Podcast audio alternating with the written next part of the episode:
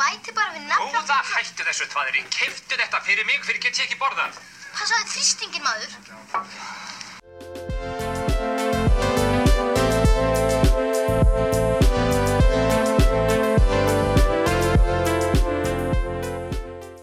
Úr samkomiðbanni kemur þrýstingurinn og guðminn góður þrýstingurinn er ógeðslega hár akkurat núna. Og í dag ætlum við að tala um eina stórkostlegu bókaserju Dagbók. Tríológína. Trílógíuna eftir Kolbrúnu Aðalsteinsdóttur. Þetta eru þrjár bækur, það er segja frá stúlk sem heitir Kata. Fyrsta heitir Dagbók. Í reynskilni sagt. svo kemur dagbók í fullnum trúnaði og dagbók hvers vegna ég. Og það er mynda konu í brúðakjól framan á þriðja bókinni en það kemur sögunni ekkert við. Það er mjög aðtiklisvert. Já, það er líka því hún endur að vera mjög hamingjusum við vera að vera gift, þannig að ég skil ekki alveg ekkur hún er að hérna baða út höndum svona og svona æst. Kannski vegna svo lendir í öllu sem er hægt að lenda í í þessari bók. Já, en dagbók hvers vegna ég og, og allar þessar bækur þær komu út á milli 80 og 9 og 91 ef ég mann rétt. Þetta eru þess að bækur algjörlega hreinar úlingabækur sinns tíma, ég held að við höfum allar lesið þær, er það ekki? Uh, sko, dagbókir reynskilni sagt er jafngömmul mér. Mm, já, ok. Ég las þær aldrei fyrir núna, sko. Ég man eftir, sko, þær voru þetta gamlar skólabókusafnu þegar ég var. Það voru það samt upp í Já. hillu og ég las þær allar. Mm. Og þær voru í sömu hillu og skitturnar eftir Alessandro Dumas. En þú veist, það, ég veit ekki alveg af hverju. í fyrsta bókin kynir okkur fyrir henni Kötu og þetta er hraðskræðasta bók sem ég hef lesið. Á fyrstu 20 síðum bókarinnar komist við að því að Kata sem er 16 ára gömul, hún er í grunnskóla, hún býr með mömmu sinni og stjúpföður og ömmu sinni og síðan að hún var 6 ára gömul hefur hún verið beitt kynferðislega ofbeldi á stjúpföðu sínum og verið ítrekka naukað síðan hún var 9 ára gömul. Sagan hefst á því að Kata á afmæli og stjúpunar er perri og svo er bankað á hurðina og það er löggan og löggan segir við erum búin að finna myndir af kötu naktri út um allt og þessum erum við búin að finna þig og við erum komin hérna til að handtaka mannin og þá fyrir hún tauga áfall og þá fyrir hún inn á geðdild og svo er hún inn á geðdild í smóstund og svo verður allt í lægi og svo fyrir hún út og svo heitir hún sálfræðingi sinn. Og svo kemst hún að því að hún á pappa í útlöndum á Spáni sem er ógstlega ríkur og myndalegur og æðislegur. Og hann hefur samband. Og svo fer Kata til Spánar og nei, hún fer ekki til Spánar strax, svo fer hún til Vestmanneja og þar heitir hún geðveikt sætan gaur frá Spáni, einmitt líka um, sem heitir Nikolás Nikolas. Nikolas hann byður hann að geima fyrir sig æðislegt, stórkostlegt gullnisti Erðagripin. sem hún veit ekki hvað er erðagripur það er bara einhver gaur þarna sem hitt hana Eitthvað gaur sem að, hún heitir hann á klósettinu í herjólfi sem er romantískasti staðurinn á landi, ekki á landi, á bát. Og þau verða alveg bara slegin, það koma svona fiðlur og svo næst þegar þau sjást þá er hann að fara að spila þá er þessi merki spænski fótboltamaður er að fara að spila múti IBVF þegar hann hleypur inn á þá áttar hann að sjá því að hann glimta að taka sér hálsminnið og þannig að hann tekur það af og fer með það til kötu, lætur hann að hafa það og horfið djúft í augun á henni og, en hún er samt stressuð því að það er einhver geðveikt heit og sæt og dökkarð og klikkaðislega spænsk og brjálaðislega orientalist dökkakonunni sexual manniska með honum.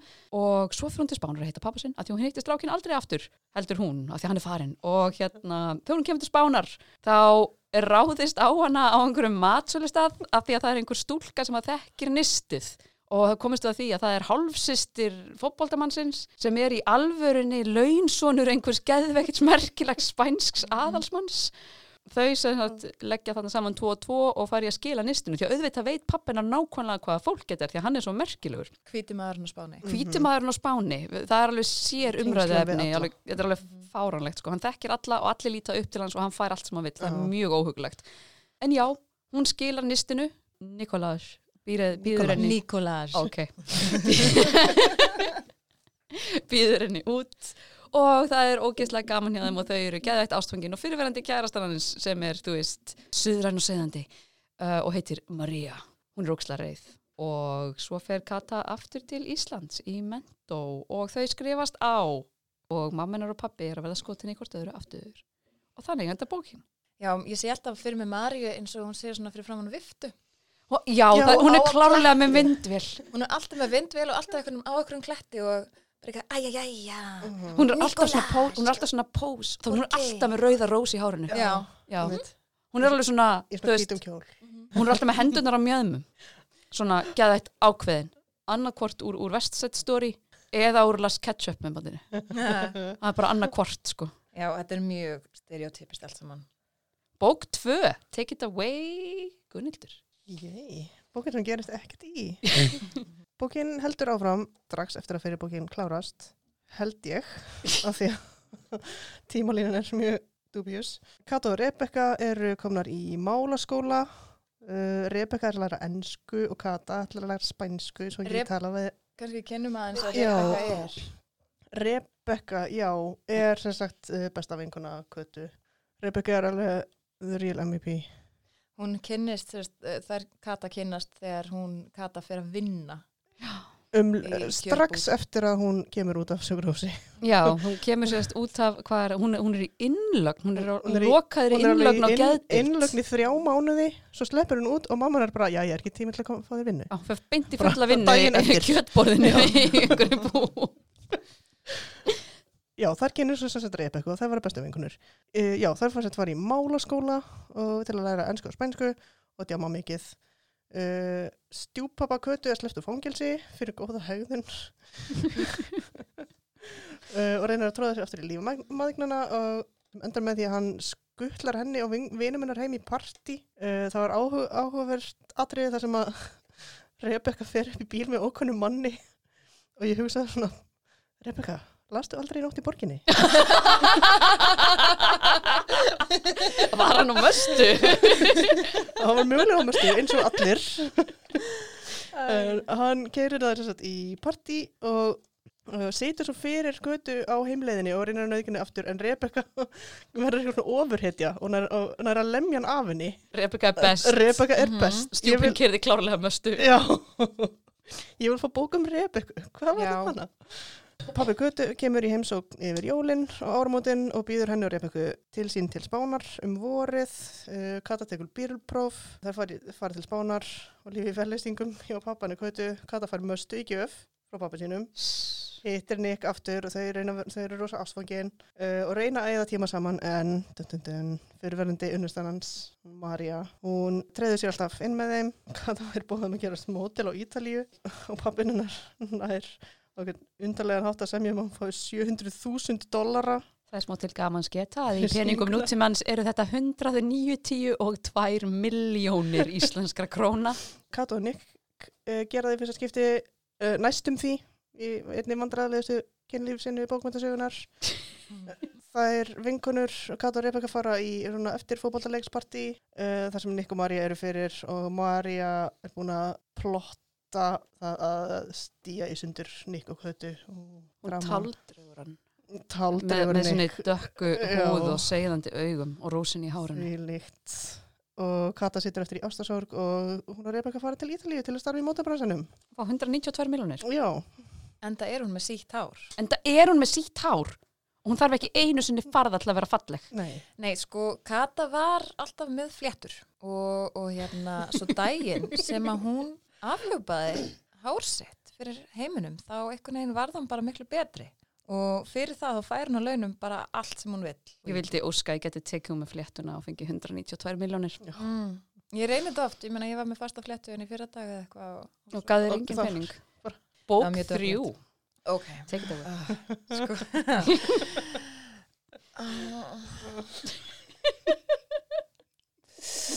uh, bók þrjú, jú, hún, hún er til.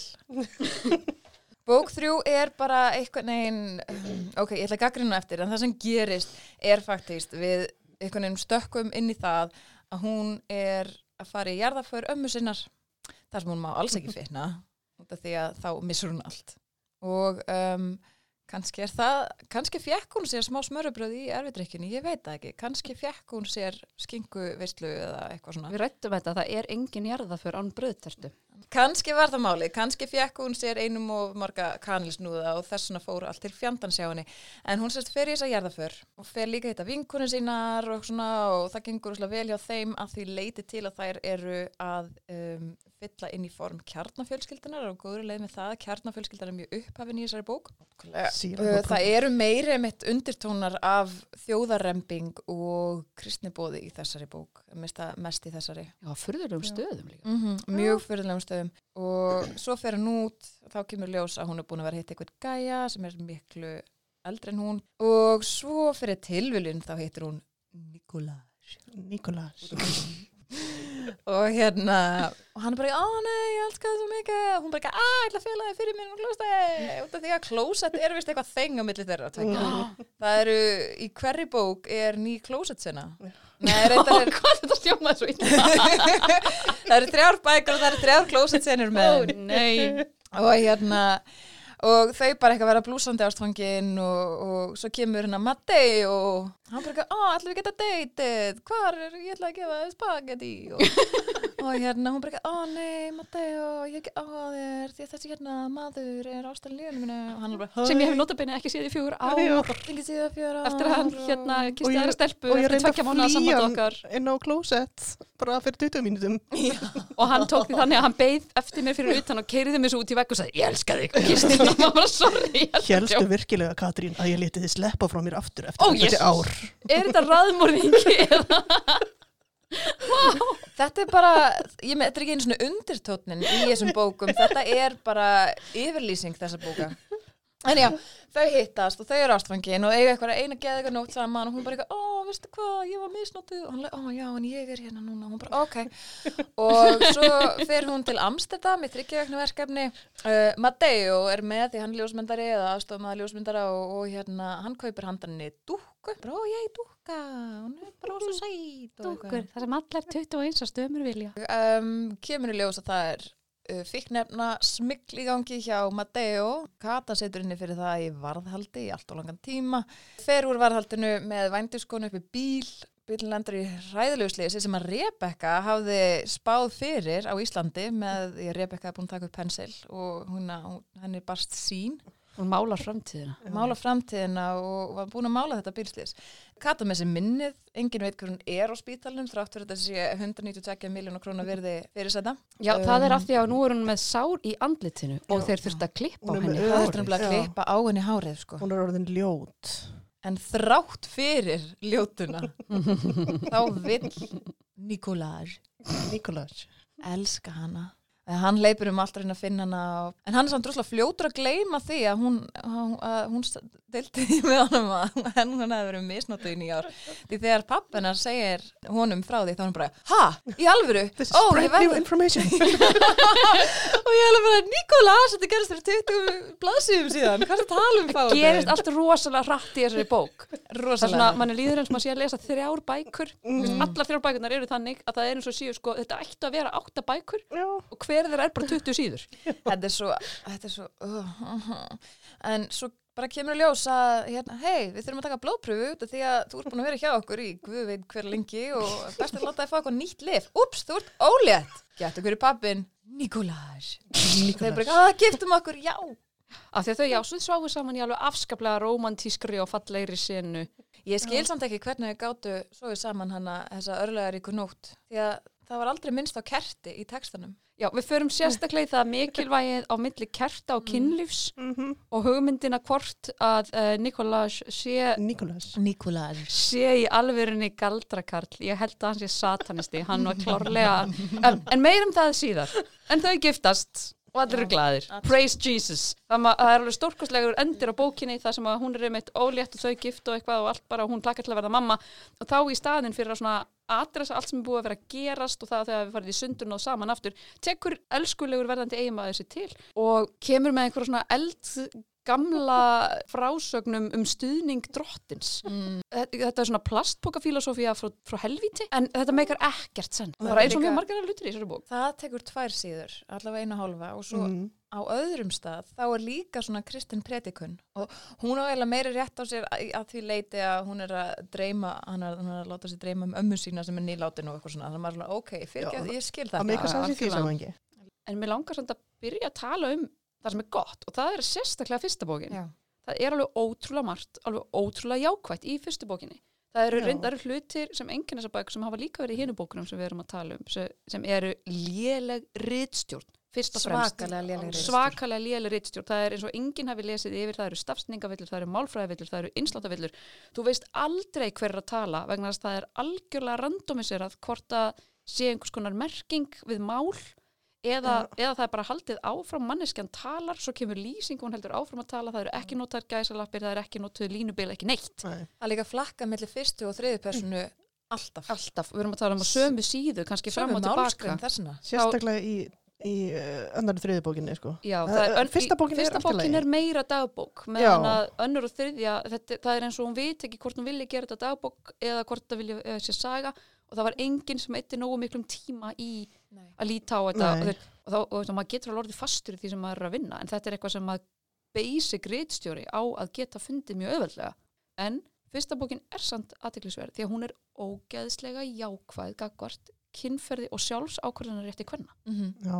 Og það kom svo mikil von í fyrstu. Algjörlega. Sérstaklega eftir að hafa hinar Eftir hinar tvær. tvær. eftir hinar fyrri. tvær sem er Það var bara ferskur blær. Já, þetta er náttúrulega kvenkins höfundur Já. hún er að horfa á þetta öðruvísi kannski þannig og það er alveg frábært að sko, þó að Kata hafi verið hafa orðið fyrir þessari hræðilegu kynfyrirsóbildi þá er það samt þannig að það er ekki gert að svona kjarnanum í hennar karakter sem er ógislega oft í bókum sem að hefjast á einhverju svona þá verður þetta já, eitthvað svona akkurat. allt sem karakterin er en hún gerir hana að svakalegu svakalega sterkum einstaklingi mjög hratt með því að færa hana frá þessu hún heldur áfram með lífsitt Mhm. og það er alveg mjög stert uh, talað um réttin að segja nei réttin að segja ég Einmitt. vil þetta ekki Já, ef einhver strákur er að reyna við og þú hefur ekki áhuga þá bara segir hún ég hef ekki áhuga á þér láttu mig vera veist, Og það er mikil Rebecca, er sem er svo Já. málpípa, sko. Líka Rebecca.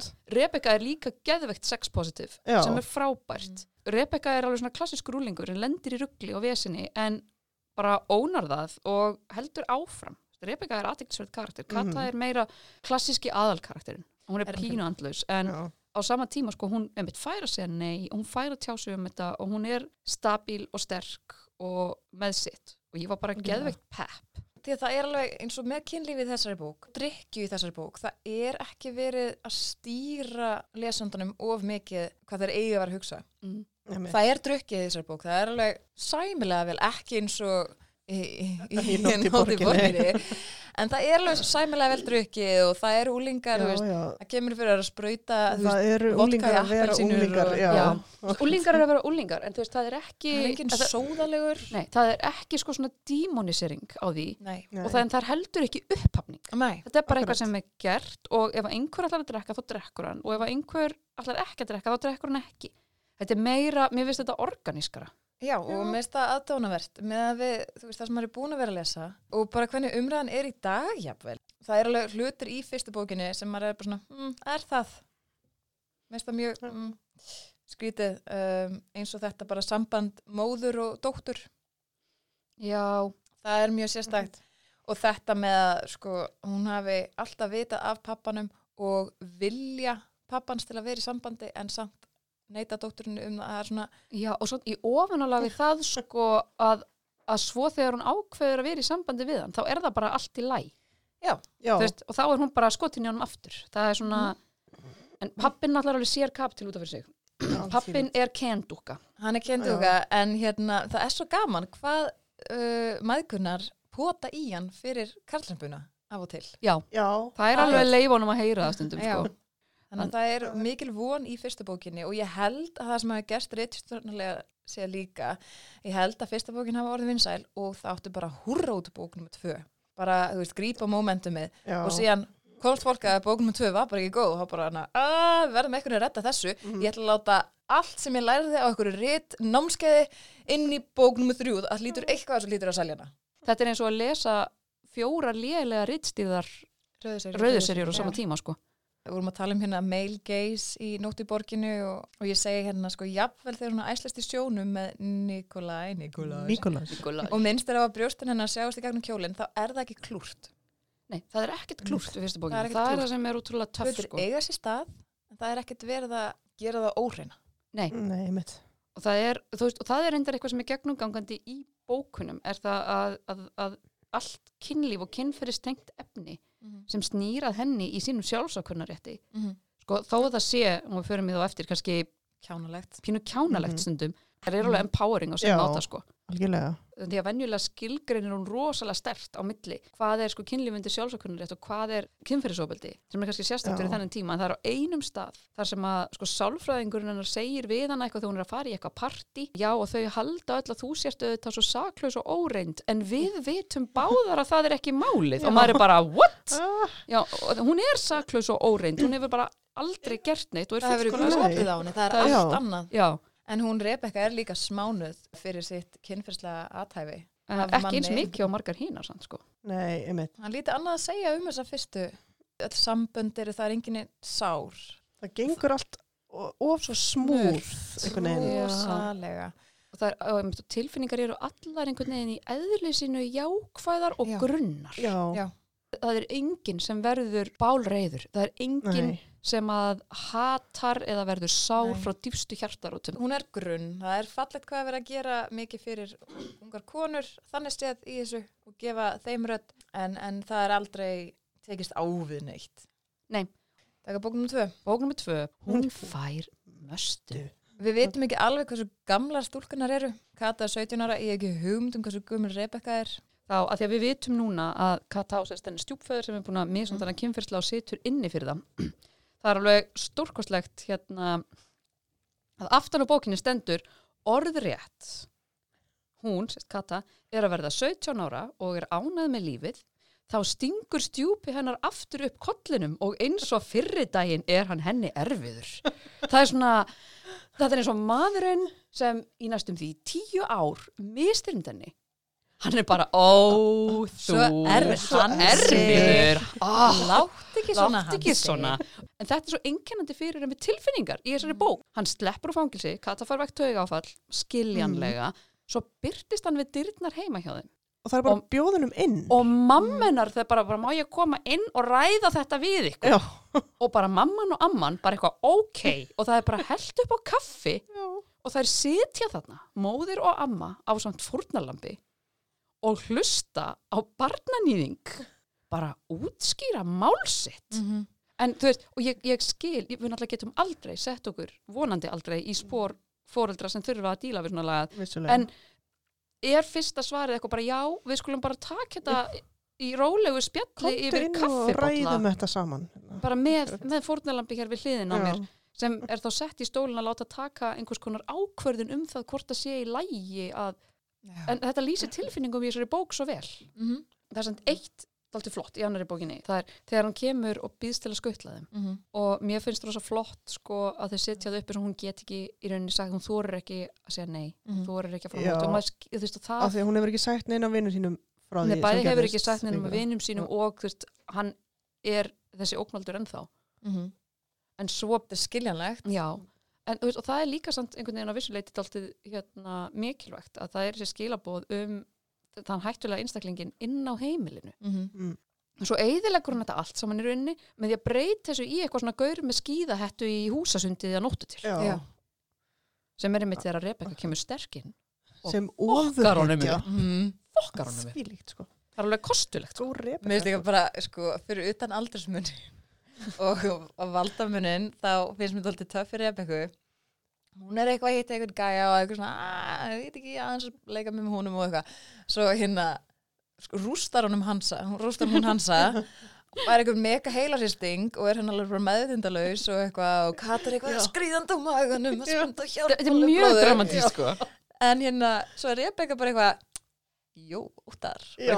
já, Rebecca hún er höst eitthvað Já. lækna kandidat endar á spítala eftir að ganga í skrokk á fullorðin kallmanni og höstra læknan ef hann á svæðinu maður er bara eitthvað, vá, hvað Rebecca er mikill boss Sko Rebecca ætti bara að hafa sin einn flokk. Það er Ég er alveg til að lesa meira en Rebecca. Já, bókin Rebecca tekur ekki þátt í þessu kjaftaði það er, það er bókin, sko. Bók nummer fjögur. bók nummer fjögur Já. Sko Rebecca er með þetta og ég skal viðkjöna eini staðurinn í öllum þessum bókum þar sem ég var bara eitthvað, yes, Já. það er þegar hún ræðst á hann, þegar Já. Rebecca Mhm. kemur aftan að því þar sem að, að vondi stjúpin hansi er sem sagt að með, með skíðahettuna í hérna húsasundinu og ætlar að, að nauka kuttu aftur þá bara mæti Rebecca, nota benni, hálf full Já. Já, eftir Bara- partí. eftir Eftir að hafa verið partí að tróða vodka í appelsínu. eftir að vera að tróða vodka í appelsínur og nota benni og dampa fyrirverandi, núverandi fyrirverandi í Já. veist, þá mætir hún bara eitthvað ægi, var bara fekk eitthvað svona slæmt feeling, labbaði á eftir sér þetta og hún bara veður í hann með öskrum Algjörlega.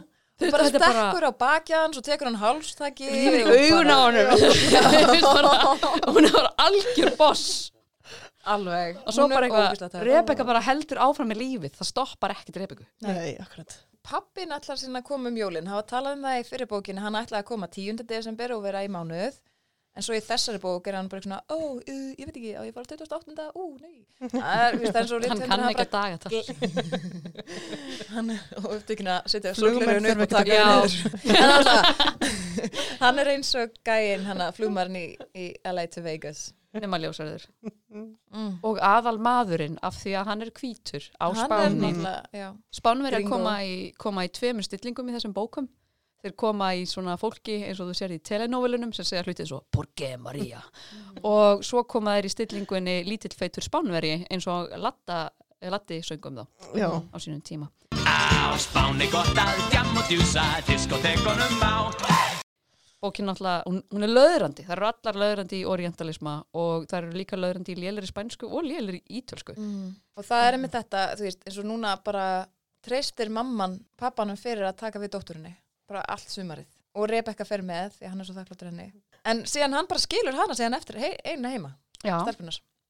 Það kom líka svona smá predikun og predikunin í bland við kynlífsinnina þá fór ég að pæla hvort að bókin hafi verið álitin og frjálsleg á þessum tíma. Að fyrri bókin hafi verið bara eitthvað, ó þú ert með úlinga að drekka, þú ert með... Án þess að dæma það. kynlí- Án þess að dæma. já, Þú ert með kynlífsinu á þjóðtíð eigum, Án þess að dæma. Sjálfs ákvörna réttur stúlna. Þetta, þetta er bara, þetta er ennþá frekar nýtt fyrirbrið, ef maður pælir Já, í. ég minn. Og hérna, ég held bara að það hefði verið sem að pressa á rithöfund að tróða inn Líka með sína fyrstu bók, Já. skilur. Já. Ég var að ræða þessa stórkoslegu neðan beltis Mm. fjörsu senu. Já, sko, það er, það er margt einu sem er bara svona þau eru alveg eiga fallega stund. Þau eru eiga frá því, stund. en það er tungumáli sem er notað já, og kertin. það er fallegt að elskast. Þannig að stelpunar einar heima á spáni og eru bara eitthvað, oh my god, ég elskar lífi, já, ég elskar líka lífi, Rebecca, við erum svo góða vinkunur. Svo kemur hérna Nikolás í heimsón. Nikolás. Nikolás. Uh, Ég veit ekki hvort eitthvað sé að tengja við Brooklyn Nine-Nine. Þetta er allt við er erum búið að heyrast á skemmtileg. mitt okkur hérna á vinnustæðanum. Ég er örugglega, ég veit ekki, tvær vikur eða eitthvað sko. Nikolás. En já, og þau eru eitthvað í sleik á sófanum með eitthvað svona starri augun á hver öðru, Nick og, og Kata. Og svo segir hann, "Hefur komið í herbyggið? þitt?" Já, já, gerum það. Áttu kerti? Já, hún á What? kertis. Hún á Og hún bara, tólf kerti eða ekki? nei, tvær tildir. Hún bara, 25 kerti. eru 24 nóg? Já, nú, ná, nú. Það veist, og það er svo... Hann vildi samt hafa fleiri upprunnilega. Hún spurði mig eitthvað nokkur. Hann bæta við. baby.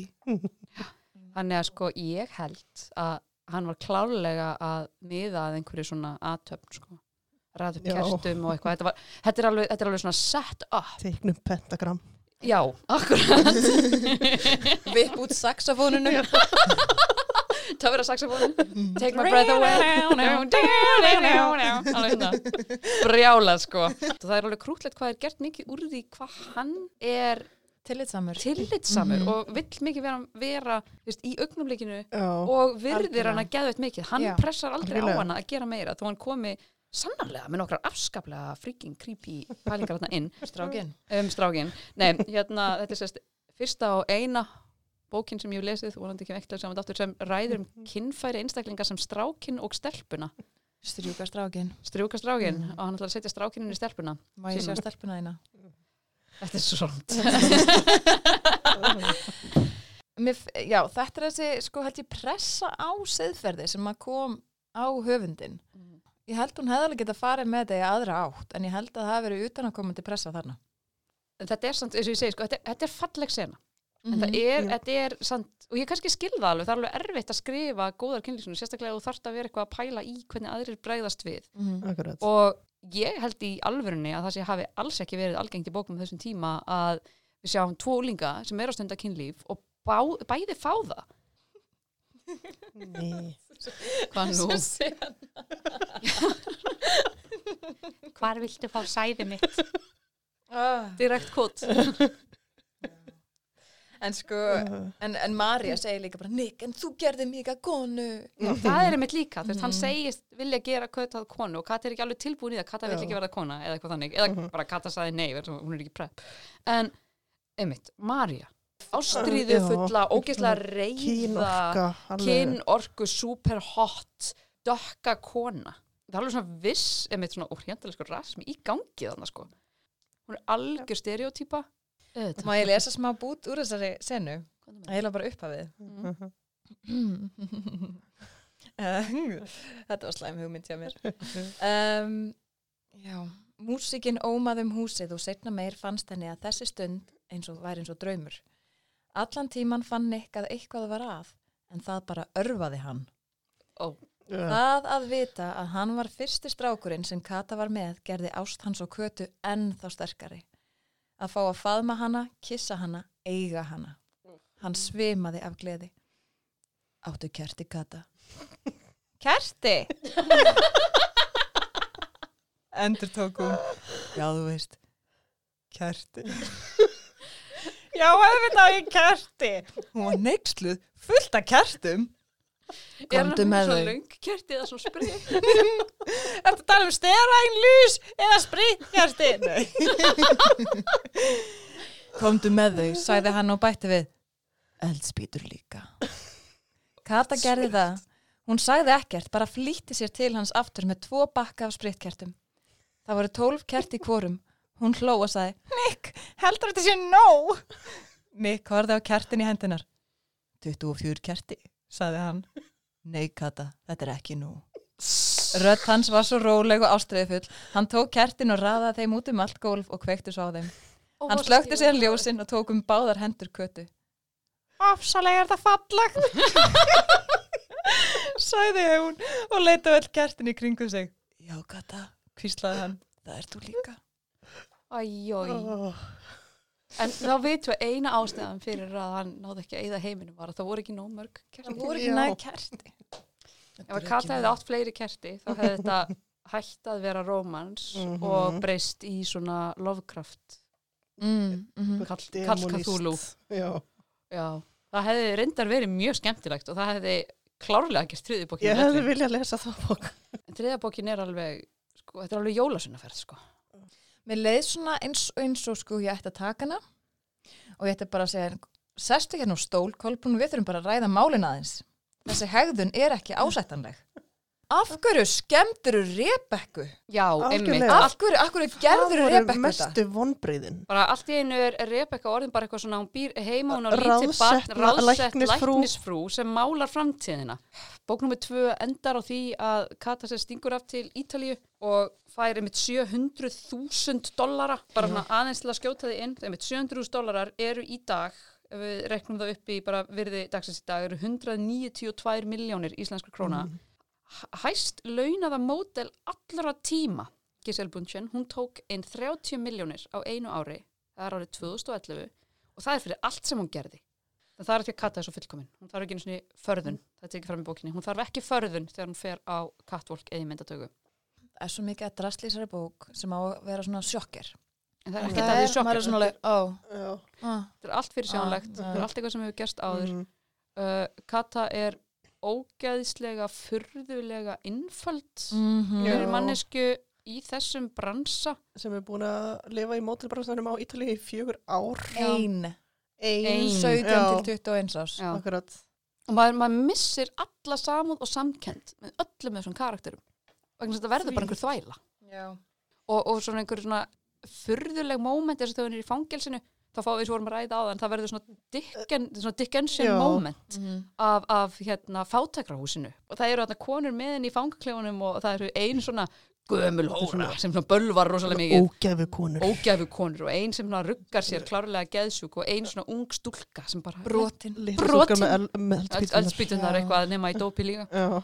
Sem er bara aðeins til þess að þú vil láta bjarga litla bróði sínum svona Oliver Twist einhver Oh my god, þú Kata gerir um, það. um hún ætlar að um og það. hún Og það er- deyr þá í fangilsinu þá bara, bjargaðu litla bróða mínu og það er líka svo sárt eitthvað bara sér þá kemur síðan þessi ljósarða stórkostlega ríka frábæra íslenska kona Já. og hún bara bjargar aumingja litla barninu Mhm. Og, um svo white bara eitthvað, og svo var hennu- og svo var hennu komið fyrir á heimil einhvers þar Já, og líka, veist, hún er bara í einhverju geðu ykkur kastana, konan bara eitthvað hann býr hérna þetta Já. er postnummer, þetta er þriðja beigð frá vinstri, eftir Já. postkassan og maður bara, hvernig, hæ þetta er svo En þá einhvern veginn ælar hún því út sig við lögfræðingi bara, segðu Matteo hvað ég er sorry af dúkkan sem hann hafi gefið mér brotnaði.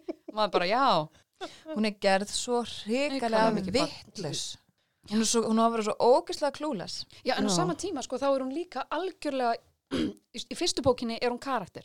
Í Mhm. annari bókinni er hún kærasta og í þriðju bókinni er hún ekki neitt. Það er, en er- Kata uh. getur ekki bjarga sér. Hún er bókstaflega hjálpar vana sem er skellulegt, en í fyrstu bókinni var hún það ekki. Mhm. Þar gat Kata rettað sér. Það er svona, hún þroskast Nei. aftur á bakk. Alveg þvílíkt. Svo endar hún eitthvað bara heimilis, hérna, bundin á, á heimilinu með bandn og það er að storkuslegt í öllum heiminum af því að núna er hún 21 árs. Já, það er ógislega hérna þriðja klósett senan í þessari seríu. Það er sem sagt þegar uh, Kata er að fara í styrtu hún er svo sveitt eftir að hlaupa frá honum og fela sér nú öðru klósetti og hún bara eitthvað, að ég ætla að vera í styrtu og Nick bara eitthvað, hubba hubba. Og ég ætla að joina hana og fyrir bara eitthvað mm.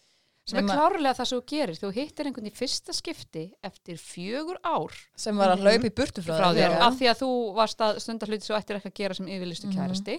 Það er eitthvað bara, hm, hún fór í styrtu þetta er klárlega bóð, bóð um að ég fara úr fötunum og elda hana inn. Þessar mannesku sem ég þekki ekki neitt núna. Akkurat. á meðan hún er í styrtu og veit ekki af því að hann er að fara að koma þá fer hún að hugsa um hansa og það enda með því að þegar Nick snertir hann á öxlina þá fæ, hún fellur í yfirlið. Og í staðan fyrir að hjálpa kötu þá fer hann næri nærbuksuna sínar ákveður síðan liftinni blöytri í rúmið, ringir ekki á neitt en, en verður geðveikt æstur og því að hún er svo varnarlaus. Já, það er, það er, þetta er svona öfugt það sem er í fyrstu bókinni, það sem að, að við sjáum þessa hugmyndum sterka konu sem er eitthvað um hillar, Mhm. þarna erum við komin algjörlega í, þú veist, konan sem veik, Já, konan sem þarf að vernda. En svo, svo, er hún hérna að segja Nick frá kynfyrsofbeldinu. Þetta var í 12 ljót ár, hjælt Kata áfram, þannig að mamma komst af hann að þessu. Gott hjá mömmuðinni, hugsaði Nick. Hann reyndi að róa hana niður með því að gæla svona róandi við hana, en það versta var að hann vildi bara alls ekki hætta að gæla við hana. Hann fann líka maður sinn bregðast vel við kallmennsku sinni. Þannig er hún að segja frá því að hafa verið misnotið af stjúpföður í 12 ár já, hann segir hérna alveg í lokin treystur mér, spurði hann. Já, svaraði Kata, segðu mér það bað hann, ég treysti þér Nick, svaraði Kata. Elskaru mig, spurði Nick aftur. Já Nick, svaraði hún. Segðu mér það, skipaði hann. Ég elskaði Nick, ég elskaði, þig, ég elskaði Nick sá það í augum hennar að hún segði satt. Segðu þá já þegar ég spyrði þig. Og svo byrður hann að gifta sig. Það er svo rúsalegur eignaréttur hérna á Já. þessari verður konu. svo Hann verður pósis yfir Creep. andskoti. hann verður á svo svo stuttum svakalegur. tíma. En það er líka ógslag oft afsakað, þessi hegðun hjá honum, hún er svona diskardið eitthvað bara, já, spánverjar eru bara svona. Já, akkurat. Það er eitthvað, sko, spánverjin er mitt málaður upp sem þessi, svona einmitt pósessíf og það er mikið talað um það, sérstaklega í bæðibók 1 og 2 reyndar, um að þetta er að þau eru, eru katholikar. Já, Mhm. Og já, og það skiptir svo miklu mála fyrsta batni sér strákur og eitthvað svona, Já. bara, vitum við þetta að vissuleiti, jú, á sumum stöðum í sumum menningarheimum er þetta mikilvægara en þetta, er, þetta er einhvern veginn gert svona absúrt. Þú veist, það er eins og Já. spánverjar búa ekki á sömu plánutu þeir eru einhver svona gimverutegund Þetta er, þetta er rosaleg vonbreið þessi bók.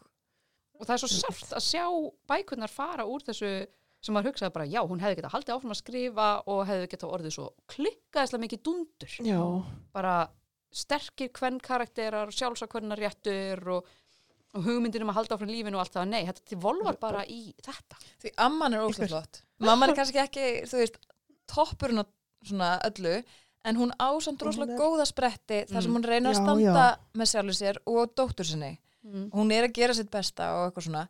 Kata er rosalega flott, hún er einföld, ég meina hún er einfaldlega skrifuð oft á tíðum, en hún er samt rosalega flott. Rebecca er dundur. hún er toppkarakter. Já, Það eru sko. allar setta niður, amman er drepin. Þú veist, Kata erfir húsið hennar og þetta skiptir engu máli. Og, uh, þessi fyrsti helmingurinn af bók þrjú skiptir bara null Engu máli. máli. Og Kata og Rebecca eru báðar mingar svo svakar. Mhm. og mamma henn er of feit til þess að geta verið með en hún er ólétt, hún er ekki feit Já, það veist, og, og hérna Endalast verið að tala um að vera feit. já, rosalegt panik um fytu En það, en það er samt kannski bara líka einkennandi fyrir tíman sem þessi bók Já. er skrifuð Og það er líka að sést rosalega vel í, er ekki bók nummer tvö, þegar það er að sprauta vodka í appelsinar. Og lausnir bara, já, ekkert mál. Ég meina, ég segi bara mömmu um og nýjum ávastakúr. Já, Já, af Og þetta er svo lýsandi fyrir myndi- samfélagið á þessum tíma. Þetta væri eðlilegt.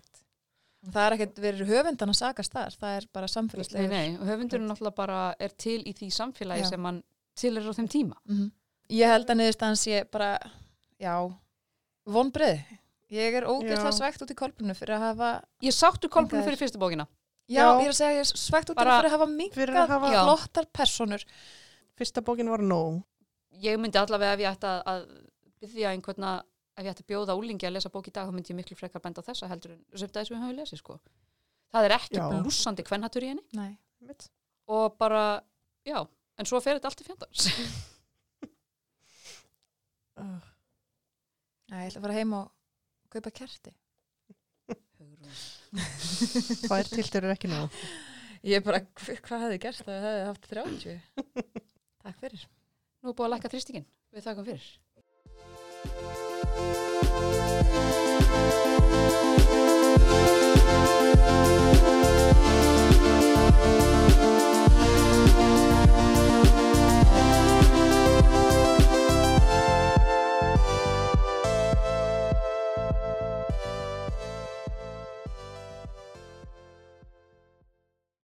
Mikið ofsalega eru leiðinlega svona sér hannaðar bókmyndir fyrir úlinga.